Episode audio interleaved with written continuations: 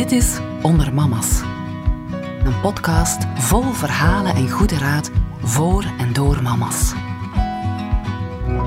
Dag eh, Tias, welkom bij de podcast Onder Mama's. We zitten hier in de Onder Mama's studio. Vandaag heb ik dus een gesprek over papa scoort. Is dat zo? Tias, vertel eens, wie ben jij? Eerst en vooral goedenavond, Sonja. Uh, mijn naam is eigenlijk Tias Kastelein. Ik ben uh, 32 jaar. En uh, eerst en vooral wil ik u bedanken voor de uitnodiging, uh, wat wel fantastisch is. Ik ben een geboren Gentenaar en ook alles doorlopen, dus schoolgaande jeugd, hogere studies, allemaal in Gent gedaan. In de hogere studies heb ik eerst LO gestudeerd en dan nog een jaartje Vlerik Business School, waar ik dan eigenlijk uh, professioneel absoluut in de sport wilde werken. Um, ik heb toen mijn kans gekregen bij Zotwaria als uh, business developer, dus in het commerciële departement. En nadien ben ik daar commercieel verantwoordelijke geworden. En dan uh, vorig jaar, dat zal uh, ja, juni 2019 geweest zijn, mijn leven uh, grondig veranderd en door elkaar geschud op drie vlakken. eerst en vooral belde Michel Louagie van Agent mij met de vraag of dat ik een eventueel zou willen komen versterken als commercieel manager van Agent. Als Gentenaar is dat natuurlijk een buitenkans. Het is misschien een trein die maar één keer passeert in je leven. En daarom dat ik daar ook naar rij beraad en met enorm veel dankbaarheid voor SV Zoutwaregem op ingegaan ben. Sinds 1 oktober ben ik dat nu, dus bijna een jaar. Een tweede aardbeving, om het zo te zeggen, was mijn vrouw en ik, uh, Kim de Wilde is dat, hebben het samen een huis gekocht. En dan de derde, en misschien wel ja, de grootste aardbeving of aardschok dat je kunt inbeelden, is dat ik op 26 juni 2019 voor de eerste keer papa geworden ben uh, van niemand minder dan Lucette Kastelein. Ja. Een dochtertje. En ik heb ook altijd gezegd tegen mijn vrouw dat ik alleen maar dochters zal krijgen. Dus ik zal zien uh, hoe dat de toekomst dat bevestigt. Maar uh, ja, dat was wel een heel speciaal moment. Mooi, uh, Thias. En uh, ja, op welk moment hebben jij en Kim ervoor gekozen om uh, jullie team uit te breiden met een klein spelertje? Ja, dat is een mooie vraag. Ik had altijd gezegd dat ik eigenlijk voor mijn dertigste kinderen wou, maar ja, dat is dan eigenlijk twee jaar opgeschoven. Maar eigenlijk voelde dat heel goed aan. wij zijn eigenlijk drie jaar geleden, op 2 september drie jaar geleden, eerst getrouwd. En dan, uh, na onze trouw, uh, is eigenlijk uh, logischerwijs over gebabbeld geworden.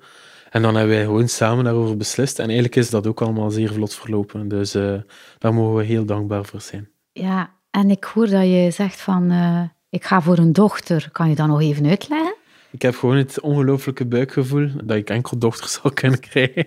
Of dat dat zal... Allez, bij de eerste was dat waar, maar uh, of dat dat zorgs in de toekomst zal uitwijzen, of dat dat bij de tweede en misschien ooit de derde ook nog waar zal zijn. Oké, okay. je hebt de grootste plannen, uh, Tias. Stap per stap en één per een één. Een elftal, misschien? Nee. Nee, Sonja, merci. Dat zal een beetje erover zijn. Ja, goed. Dus jullie zaten op dezelfde golflengte. Heb je het elkaar niet echt moeten waarmaken dan voor kinderen? Nee, dat was uh, doordat we eigenlijk al heel lang samen zijn. En ja, dat je ook in je omgeving heel veel meemaakt, bij vrienden en zo. En ja, je hebt ook wel door die vriendenkringen, waar dat eigenlijk ook allemaal aan het gebeuren is, ga je daar eigenlijk ook wel in mee. En ja, ons het moment was daar. Dat was eigenlijk heel spontaan, heel vlot, dat we dat eigenlijk beslist hebben.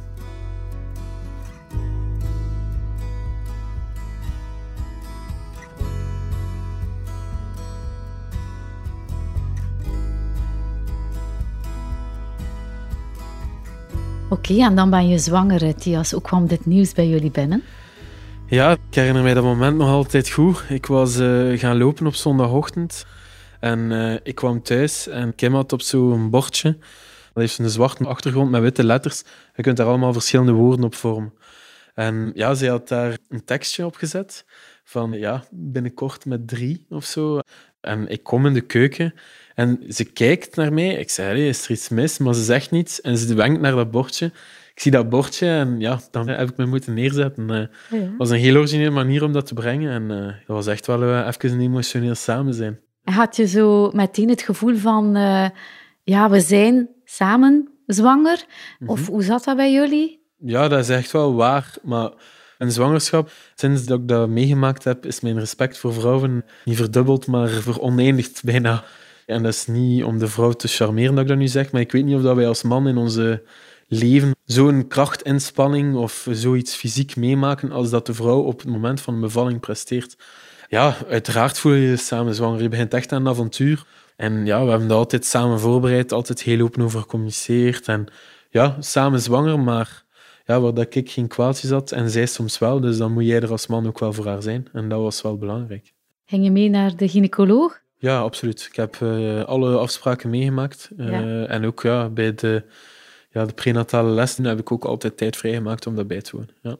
De bevalling, hadden jullie daar uh, schrik voor?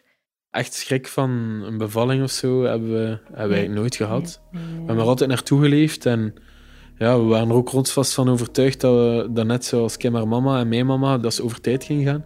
En twee weken op voorhand zijn we dan nog uh, zelf een weekendje in Parijs geweest. Dus uh, ja, we waren er echt rotsvast van overtuigd dat Lucette te laat ging komen. Maar ja. het was drie dagen te vroeg.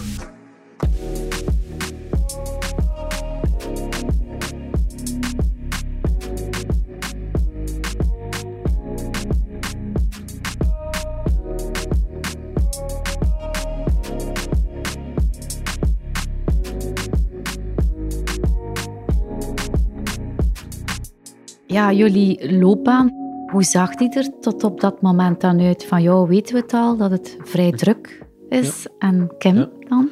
Kim werkt eigenlijk uh, momenteel bij het CLB in Gent, het Centrum voor Leerlingenbegeleiding. Dus gekoppeld aan het onderwijs. En ja, gelukkig heeft zij wel wat meer tijd om voor Lucette uh, te kijken, want allee, dat is wel een evenwicht dat we hebben in onze relatie. Ik probeer uiteraard ook zoveel mogelijk te doen en mijn steentje bij te dragen, maar... Uh, ja, hoedje af voor wat dat zij uh, dagelijks ook allemaal doet. Ja. En uh, de work-life balance, hebben jullie daar vooraf over nagedacht? Wie welke rol zou vervullen of hoe de gezinsorganisatie er zou uitzien eens uh, de baby er was? Ja, ja allee, het gaan er de wilde verhalen rond over pampers verversen en s'nachts opstaan, babytje in bad steken en zo. Maar ik heb daar nooit schrik voor gehad. Ik heb dat op mij laten afkomen. En ja, ben ik s'nachts ook wel een keer ondergeplast geweest. Uh, zoals ik opstond en dat ik er eigenlijk echt geen zin in had. Maar dat gebeurt nu eenmaal. Dus uh, ja. ik probeer mijn steentje bij te dragen. Hoe dat ons leven er nu uitziet. Ik doe ze eigenlijk elke ochtend naar de crash. En Kim gaat ze gaan halen. En dan probeer ik ook uh, minstens één keer in de week er eigenlijk in bad te steken, s'avonds. En dan in het weekend proberen we toch zoveel mogelijk de taken te verdelen, hè, vanaf vrijdagavond tot zondagavond. Ja. Ja. En hebben jullie bepaalde methodes voor eh, de organisatie en kaart te brengen van de week die afkomt? Of? Ja, het, is, het, klinkt misschien banaal, maar wat wij eigenlijk elke zondagavond doen is wij overlopen de planning van de week. Zowel professioneel als eh, afspraken met vrienden, familie en ja, en dan ook uiteraard, Lucette komt er ook wel aan bod. Hè. Ja. Oké, dus jullie zijn een, een goed team. dat moet je zijn, denk ik. We zijn een team met twee en nu met drie, maar uh, dat is ja. zeer belangrijk. Ja, ja dat zal wel zijn, ja. Dan besef je, eens de baby geboren, ik ben nu papa. Hoe, hoe was dat voor jou? Wanneer kreeg jij zo het ultieme uh, papa-gevoel? Dan komen we bij het verhaal. Hè. Uh, ik weet nog goed, het was een woensdag, 26 juni. En uh, ik vertrok s ochtends naar het werken in Zotewaarem, zoals ik elke dag vertrok.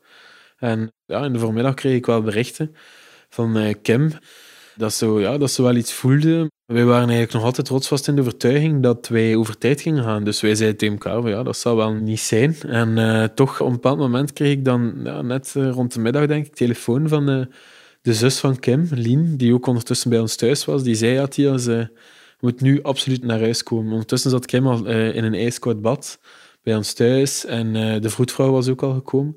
En uh, ja, ik ben dan echt vanuit Waarhem richting thuis, richting Zwijnaarden, echt gevlogen. ik heb mijn auto zelfs met moeite op de oprit kunnen zetten. Ik zag daar Lien, de zus van Kim, Kim en de vroedvrouw staan. Kim waggelde naar de wagen. ik zat daarbij, zoals ik er vandaag bij zit, ja, met een blazer en kostuum. Ja, dus ja, ja, dat kwam echt op u af. Ik kon dat niet voorspellen. Wij in die auto naar Tuzet Gent.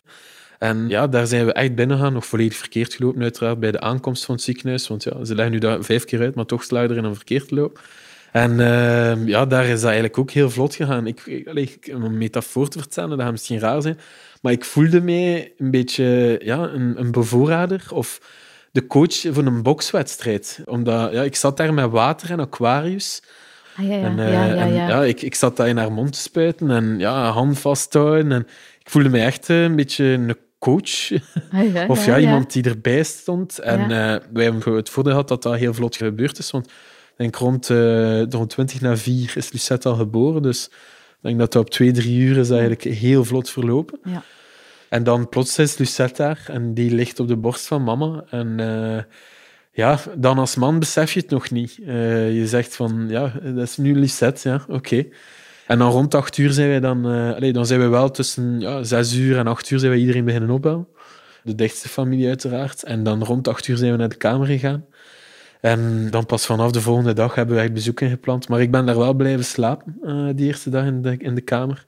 En dat vond ik echt... Allez, ik heb niet veel ogen toegedaan, maar dat was wel een unieke ervaring. Dat was speciaal om uh, kleine Lucette op je borst te voelen dan. Maar eigenlijk het besef van papa worden, dat heb ik eigenlijk pas beseft op het moment dat we thuis kwamen. Uh, en het eerste uur, ik mag dat, dat mag zeker niet verkeerd overkomen, maar dat is in de auto van het ziekenhuis naar huis waren wij allebei aan het ween. Uh, omdat ja, je weet niet hoe, hoe gaat dat gaan. En ik herinner mij die eerste uren dat je daar in je huis zit en dat je ze overal probeert te leggen en ze vinden daar een mak niet en je probeert ermee rond te wandelen en die blijft wenen.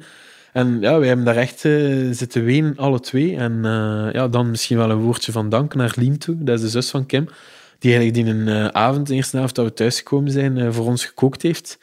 En dat was zo aangenaam om, ja, om dat zo even te laten rusten. En toen is dat bij mij gekomen, dat besef. En die emotionele rollercoaster, want allee, het is echt wel een camion die over u rijdt op dat eerste moment dat je, dat emotionele rollercoaster van thuiskomen, dat, dat gaat wel weg. En je vindt wel je draai en je past je wel aan. Maar dat eerste moment vond ik, eh, en Kim ook, vonden wij echt, uh, was heel pittig.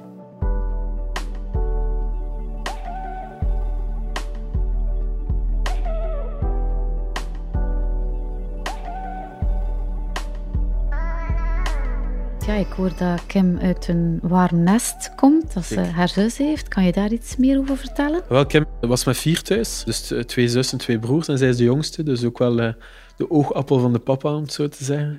En uh, ja, uh, Kim, haar zus is eigenlijk de oudste, dus zit altijd twee jaar tussen. Kim is, allez, en haar zus zijn, zijn ongelooflijk goed, goed bevriend en komen heel goed overeen. En ja, Lini heeft er drie. En ze weet maar al te goed wat erbij komt kijken. Dus dat was uh, een ongelooflijk uh, ja, hart onder de riem, om het zo te zeggen. Okay. Mijn ouders uh, zijn ook al ja, heel lang samen, heel goede relatie. En ik heb één broer die twee à drie jaar jonger is, Orin. En ook altijd heel goed overeengekomen. Uiteraard de broederlijke ruzies gehad in, in, de jeugd en zo. Maar ik kom ook uit echt een, een warm nest, waar dat we eigenlijk alle kansen gekregen hebben. Ja. ja. En op welke manier zijn ze zo jouw grote voorbeeld naar het vaderschap? Ze hebben uh, ons heel veel vrijheid gegeven uh, om te doen en te laten. Uh, wij zijn absoluut niet streng opgevoed. Ik herinner mij, ik zat in denk ik, het vierde... Wij, wij woonden wel heel vlak bij het, de lagere school, maar ik zat in het vierde leerjaar en Oren zat in het eerste of tweede leerjaar. En wij bleven tot half zes s'avonds in de studie. En wij mochten zelfstandig naar huis. En wij werden eigenlijk verwacht om, alleen niet elke dag van de week, maar te koken voor mijn ouders die eigenlijk heel lang hard gewerkt hebben. En wij deden dat met al plezier. Dan stonden Noren en ik samen, we ons huiswerk gedaan in de studie en wij stonden thuis te koken. Ik herinner mij dat mijn moeder mij, als ik twaalf werd, eh, meenam naar concerten en zo. En mijn moeder was echt eerder het type dat uw wereld verruimde. Dus uh, dat was altijd wel... Hey, zij heeft er zo gezorgd dat ik cultureel wel een heel brede interesse en kijk gekregen heb. Waarvoor ik haar zeker dankbaar ben. En mijn vader was eigenlijk, is, is nog altijd een heel slim iemand heeft ons eigenlijk ook uh, educatief en scolair altijd wel heel, heel hard geholpen als het nodig was, zowel mijn broer als ik zelf. Ja. En eh, welke ideeën heb jij nu zo over het ouderschap nu je zelf papa bent? Nou, wel, ik kan dat eigenlijk heel, heel snel en heel beknopt zeggen. En dat is eigenlijk een citaat van mijn schoonouders, daar dat ik ook heel goed mee overeenkom. Uh, de ouders van Kim. En uh, eigenlijk, uh, zij zegt van... Ja, een kind krijgen is eigenlijk een pijl dat je afschiet uit een boog. En als ouders ben je de wind en probeer je die pijl zo goed mogelijk te beïnvloeden in een richting. Maar uiteindelijk is het toch het kind dat, allez, met de juiste en de goed mogelijke ondersteuning, dat, dat zal geraken in een roos waar dat het zal geraken en waar dat het wil geraken. En ja, dat vind ik een heel mooie metafoor, omdat ja, het is zo gewoon. We zijn allemaal ook jonger geweest en op een bepaald moment doe je echt ook ja, wat dat je denkt in het leven, wat je moet doen. En dat is met de bagage dat je krijgt. Dus ja. Hoe wil je dat uh, jouw dochter over jou praat? Um, ik hoop gewoon dat we goed overeenkomen. Dat ze tegen mij alles durft zeggen. Uh, dat ze geen schrik heeft, dat ze dingen achterhoudt. En allee, daar gaan we weg. Allee, proberen echt uh, ons ding aan te doen. En ja, dat, dat, dat je gewoon een goede communicatie hebt. Ik heb mij voorgenomen, dat ook al zal het misschien iets zijn dat mij minder ligt, of waar ik minder van ken of minder aanstaat, toch proberen haar daar zo goed mogelijk in te ondersteunen en haar vooral ook laten proeven, denk ik, van eh, ja, wat het leven misschien allemaal te bieden heeft. Je hoort zoals man hoor je soms straffe uitspraken over eh, ja, als, uh, als een man een dochter krijgt, dat we ze gaan beschermen en dit en dat. En, het worden daar wel altijd stoere dingen over gezegd. Maar uiteindelijk zal het toch zij zijn. Ze. En ja, als je daar denk ik op een verkeerde manier mee omgaat, zal ze het misschien doen als je het niet ziet. En dan, ja, denk dat dat dan nog een minder leuk gevoel is. Ja, hm. ja toch wel. Hè? Uh, ja, dat zal vooral een beetje uh, ook die vrijheid. Hè? Dat is altijd een evenwichtsoefening, vrijheid geven, maar dan toch wel op een afstand uh, af en toe toch wel wat... Ingrijpen, hè? Ingrijpen, wanneer het nodig Wanneer het nodig is. Hè? Ja, ja. En ja, zelfs nu... ja, zelfs nu zijn we soms al wel wat streng, want het is eigenlijk, een, een, ook al is ze nog maar ja, kleine 14 maanden, maar het is echt een kleine deugd niet. Het is, uh, als je vergelijkt met leeftijdsgenoten, is het een kleine ontdekkingsreiziger. En ja, dat merk je nu al. En uh, in de crash hebben ze letterlijk tegen ons gezegd: ja, ja, ik weet niet of jullie het al beseffen, maar gaat er sowieso nog mee afzien. Dus uh, ja, dan gaan we dat, als we het moeten afzien, gaan we dat zo goed mogelijk proberen doen. Hè. Het zal misschien nee, dus, al een beetje een eigen gereed zijn of zoiets. Zeven ja? sterk karakter. Ja, sterk karakter.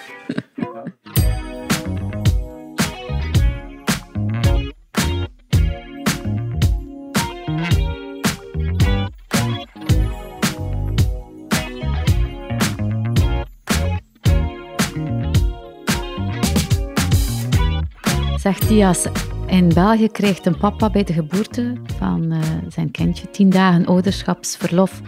Uh, heb je daar zelf van genoten? Uh, vind je dat voldoende? Hoe heb je dit zelf ervaren? De dagen nadien heb ik niet zo... Allee, het was de woensdag dat het bevallen is. En dan, de maandag daarop was ik eigenlijk alweer aan de slag. Dus ik heb eigenlijk niet, die tien dagen zeker niet opgenomen. Maar ik ben dan wel een aantal weken later wat langer op reis gegaan. Omdat ik dat wel echt belangrijk vond om samen op vakantie te gaan. Want dan zit je eigenlijk met drie zo dicht bij elkaar samen. En dat is zo'n uh, gebondenheid en betrokkenheid dat je ja, door het jaar vaak niet hebt. Je zit ook in, in een locatie die je vreemd is. Ja. En dat is wel leuk. Ja. ja. Zijn jullie snel op reis gegaan met de baby? Ja, toch wel, ja. ja. We zijn geen thuisblijvers.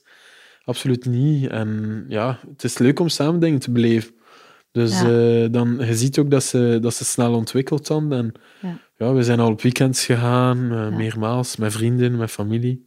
Dus absoluut, ja. Dus dat was eigenlijk al wel waarschijnlijk een beetje vooraf gepland. Baby gaat gewoon mee met, met ons, overal waar wij gaan, gaan baby mee. Ja, absoluut. Ja, misschien uh, ouders die zich aanpassen naar het kind. En uiteraard hebben wij ons ook aangepast. Ja. Ja, als wij iets zouden doen, dan willen wij dat doen. Wij hebben nu, in de afgelopen vakantieperiode, zijn wij een weekje naar de Alpen gegaan.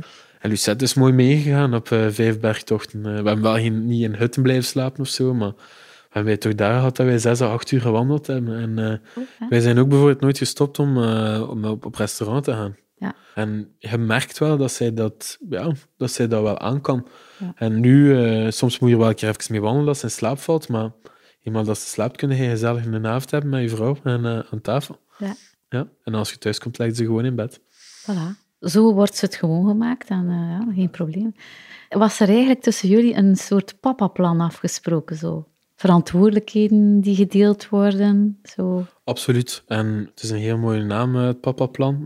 Ik heb eigenlijk minder slaap nodig dan Kim. Daardoor werd ik uh, zeker de eerste maanden uh, vaak opgeroepen om de nacht uh, op mij te nemen. Ja, dat was wel met wallen soms, maar het hoort erbij, denk ik. Hè.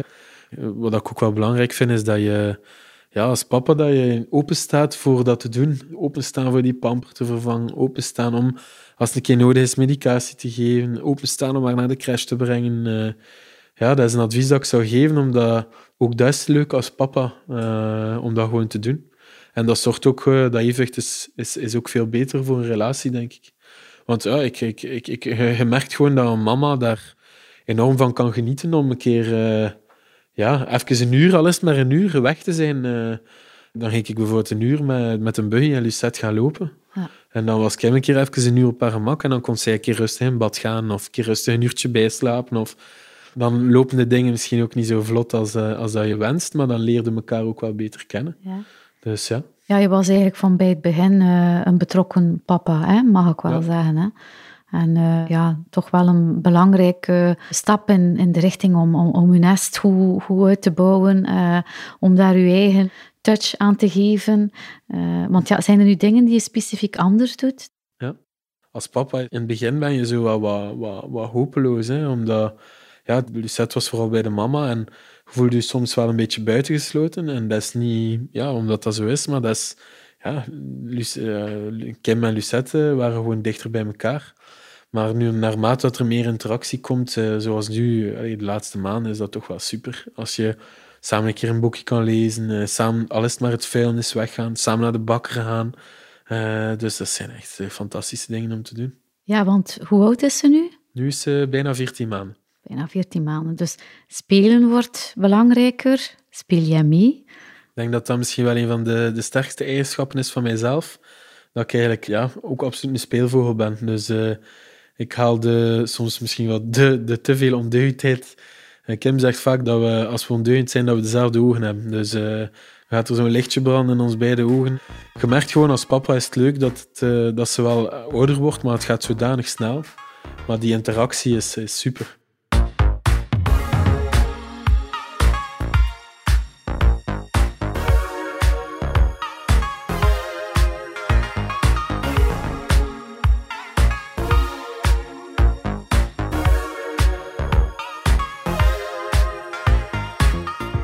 Een kind krijgen is een weg naar een uh, nieuwe balans hè, in je, je relatie. ja, dat nieuw evenwicht, is dat er uh, bij jullie vlot gekomen? Kwam het spontaan? Of is het nog af en toe zoeken? Het is sowieso af en toe zoeken, omdat zij kan nog niet praten. Dus als zij een probleem heeft, en dat kunnen tanden zijn of iets anders, dan uh, kan ze het u nog niet zeggen. Dus zoeken hoort er sowieso bij. Maar wat dat er denk ik wel een heel belangrijk facet is, is dat even belangrijk als het, ja, eh, het, opvoeding van Lucette is het herstel van de vrouw. En dat wordt vaak wel een beetje vergeten, maar uh, ja, als je als mama een bevalling doet, uh, dan moet je daar ook even van komen. En in dat evenwicht is dat een heel belangrijke. Ja, dat is niet alleen van twee naar drie, maar ook de mama tijd geven en de mogelijkheid geven om te herstellen. Dus ja, ik denk dat, dat evenwicht is, is vooral ook goed communiceren met elkaar, open zijn naar elkaar. En ja, elkaar helpen waar nodig. En dat kan een keer iets zijn uh, dat ik niet kan. Uh, ik moet nog altijd leren om een vlechtje te leggen. Dus uh, dat lukt mij maar niet. Maar ik ben echt twee linkerhanden. Heeft ze lang haar? het is al een paar keer geknipt geweest, maar ze heeft wel zo altijd een, een staartje. Dus ja. ja. Mooi. En hoe zorgen jullie voor een plekje voor jullie zelf samen? Zonder Lucette, is dat er ook? Ja, absoluut. We proberen ook geen schrik te hebben er bij andere mensen, haar ouders of kinderouders of mijn ouders, te slaap te leggen. En we nemen echt wel een keer momenten uh, voor elkaar. Bijvoorbeeld op 2 september zijn we drie jaar getrouwd en dan hebben we het plan om uh, een keer een avond weg te gaan. Een keer goed te gaan eten en dan gaan we ergens te slapen. Maar uh, ja, die, die me-time als koppel, om ook gewoon een keer over andere dingen te spreken dan over Lucette, ja. is absoluut nodig. En dat proberen wij wel voldoende tijd aan te geven. Dus ja, toch iets aan, alleen een paar keer per maand zou ik zeggen. Dat je een keer met twee weg zit. Ja. Als je nu terugkijkt, uh, hoe heeft de geboorte van je dochter je leven veranderd? Op alle vlakken, denk ik, ja. Het inzicht dat je alles wat je nu doet, doe je voor haar. Alles wat je achterlaat, zal voor haar zijn. Dat kan van alles zijn. Dat kan ja, uiteraard financieel zijn, dat kan een bezit zijn, dat kan een gevoel zijn, dat kan een boek zijn. Ja, dat is een heel rare gedachtegang. En uh, plots is zij misschien wel het belangrijkste in je leven. Ja, ja. ja. mooi. Als je nu ook nog eens terugdenkt aan wat je zou had willen weten vooraf, voor je aan kinderen begon, was er zoiets? Eigenlijk niet. Ik vond dat leuk om daar naartoe te gaan en gewoon dat laat op mij afkomen. Ik vond de bevalling, ik hoor dat soms mannen zeggen, eh, dat dat voor hun de mooiste dag van hun leven was. Maar ik had het totaal niet. Voor mij was het de speciaalste dag van mijn leven. Omdat dat, dat was zo uniek en was zo'n rare dag, s ochtends gaan werken en dan smiddags in een ziekenhuis belanden en dan om 4 uur 20 zei de, in de namiddag zei je papa en dat was een heel speciale dag. Maar nu met ouder worden, het feit dat je meer met haar kan beginnen doen, dan maakt het leuker. En je geniet zo van de kleine dingen samen doen. En je moet er ook van genieten, want voordat we het weten is ze te oud en dan zal ze niet meer met u naar de bakker willen gaan nee, of, uh, nee, nee, dat klopt. of wat willen doen. Dus uh, ja, een goede band proberen opbouwen met haar. Ja, dat is belangrijk van kleins af aan. Ja. Voilà, Thias, hartelijk dank voor het openhartig gesprek. Nu we jouw ervaring en rol als papa in het gezin kennen, is het meteen ook de aanzet voor de volgende aflevering, waar we de reacties van de luisteraars, mama's en papa's bespreken. Dus, lieve luisteraar, heb jij een prangende vraag die je al altijd eens wou stellen aan een kerstverse papa? Word ook jij binnenkort papa? En heb je heel wat vragen omtrent het ouderschap? Ervaar je onzekerheden of ben je ergens rotsvast van overtuigd? Hoe zie jij jouw paparol? En mama, wat denk jij over deze topics? Heb je concrete tips en tricks? Laat van je horen en wie weet nemen we jouw vragen mee in de volgende aflevering.